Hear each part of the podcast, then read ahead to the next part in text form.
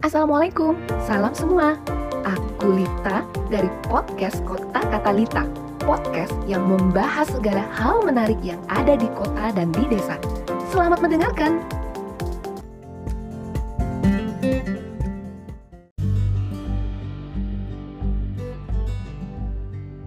Jadi sekarang ini untuk season yang masih season pertama, episode kedua, kita masih ngebahas tentang transformasi di sebuah kota ya. Dan karena ini musim hujan, banjir di mana-mana, bagusnya kita ngebahas tentang banjir aja nih.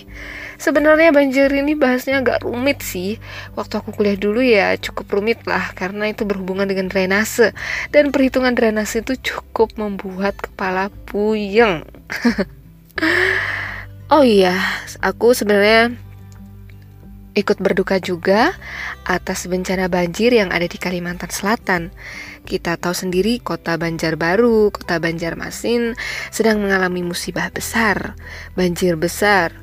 Kalau aku lihat video itu, ya ampun rasanya sedih banget deh ngelihat rumah-rumah tenggelam, jembatan roboh. Bener-bener deh semoga banjir segera surut dan masyarakatnya dapat beraktivitas kembali. Semoga Allah mengganti yang jauh lebih baik ya. Amin ya robbal alamin.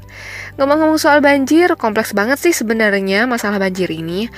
Kalau podcastku sebelumnya ada tuh aku bahas tentang banjir Batavia pas zaman kolonial dulu, tapi aku lupa tuh episode berapa ya. Jadi kalau di Malang itu ada satu kelurahan yang dulunya terkenal kumuh dan langganan banjir tapi sekarang sudah bertransformasi menjadi daerah yang bebas banjir dan hijau sekali. Terkenal sama penghijauannya ya. Gimana sih bisa seperti itu? Itu baru satu lingkup di satu tempat ya. Kita masih ngebahas di satu tempat dulu. Apakah mungkin banjir itu bisa teratasi? Mari kita lihat dulu contohnya dari satu kampung ini yang ada di Kota Malang ya. Nama kampung ini adalah Glintung di Kecamatan Blimbing. Tapi yang menjadi fokusku adalah Glintung Gang 4, dikenal dengan namanya Glintung Go Green. Jadi dulu aku pernah menuliskan tentang Glintung ini di blogku. Dan alhamdulillah menjadi 20 pemenang lomba blog yang kemudian dibukukan dengan judul Inovasi Daerahku oleh Good News from Indonesia tahun 2015. Jadi saat kita baru pertama masuk ke gangnya itu kita sudah melihat banyak sekali tanaman-tanaman yang digantung di dinding. Terus ada perabot-perabot dapur tradisional gitu di pinggirnya. Ada pancinya, kompornya gitu. Kelintung ini berhasil menjadi daerah yang peduli dengan lingkungan. Sebenarnya bisa menjadi contoh untuk kampung-kampung di kota lain yang sering mengalami banjir. Tapi bahasan ini lebih fokus membenahi bagian hilir ya, alias di lingkup kecil Glintung itu sendiri. Sedangkan kalau banjir di Kalimantan Selatan memang perlu dibenahi bagian hulunya. Gimana Glintung berproses menjadi sebuah tempat yang bebas banjir. Jadi dulunya itu banjir itu bisa sampai satu meter.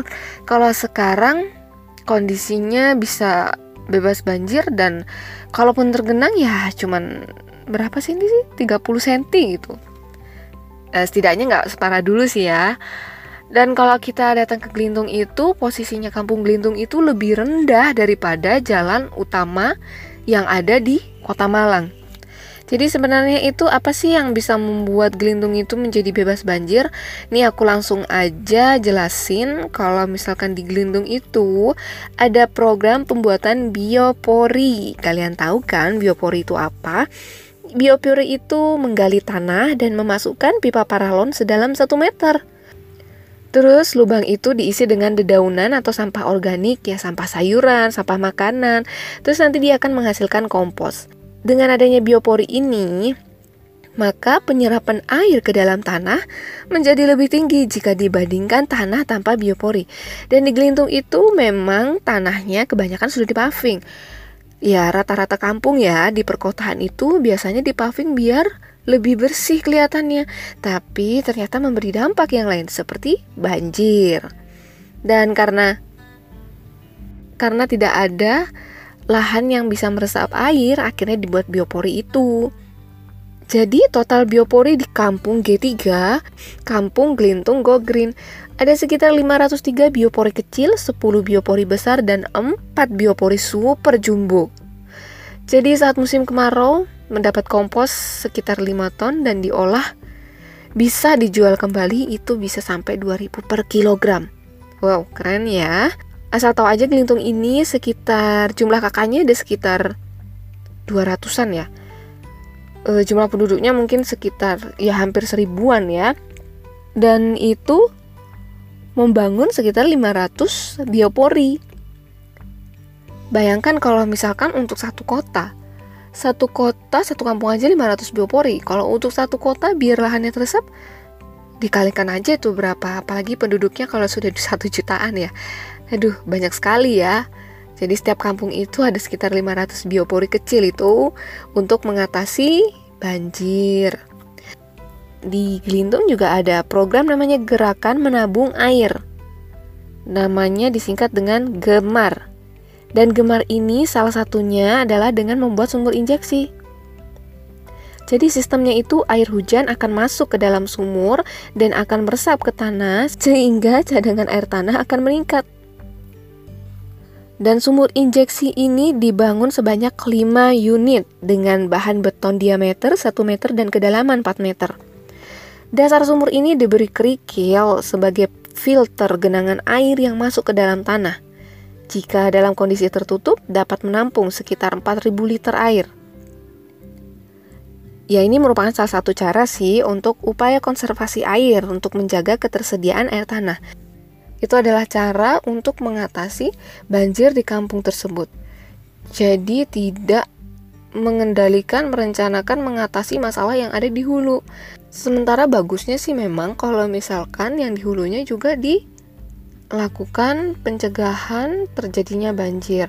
Misalkan yang di Kalimantan Selatan itu mungkin banyak hutan yang gundul, sudah mulai uh, hutan berubah konversi menjadi kebun kelapa sawit atau tanah kebun atau uh, ladang atau permukiman. Jadi akhirnya alirannya airnya lebih cepat ke hilir.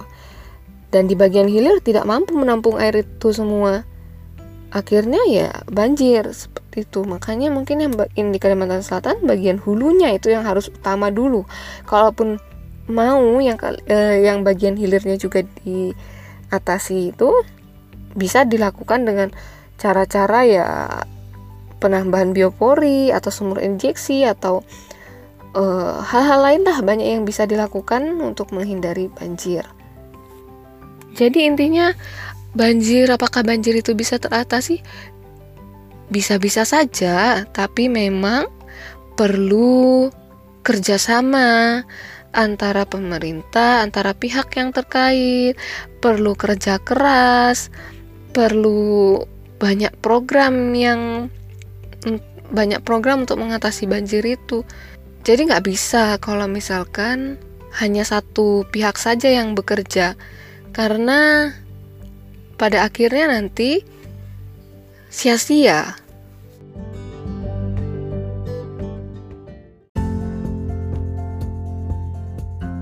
Terima kasih sudah mendengarkan podcast Kota Katalita. Ditunggu episode selanjutnya ya. Assalamualaikum.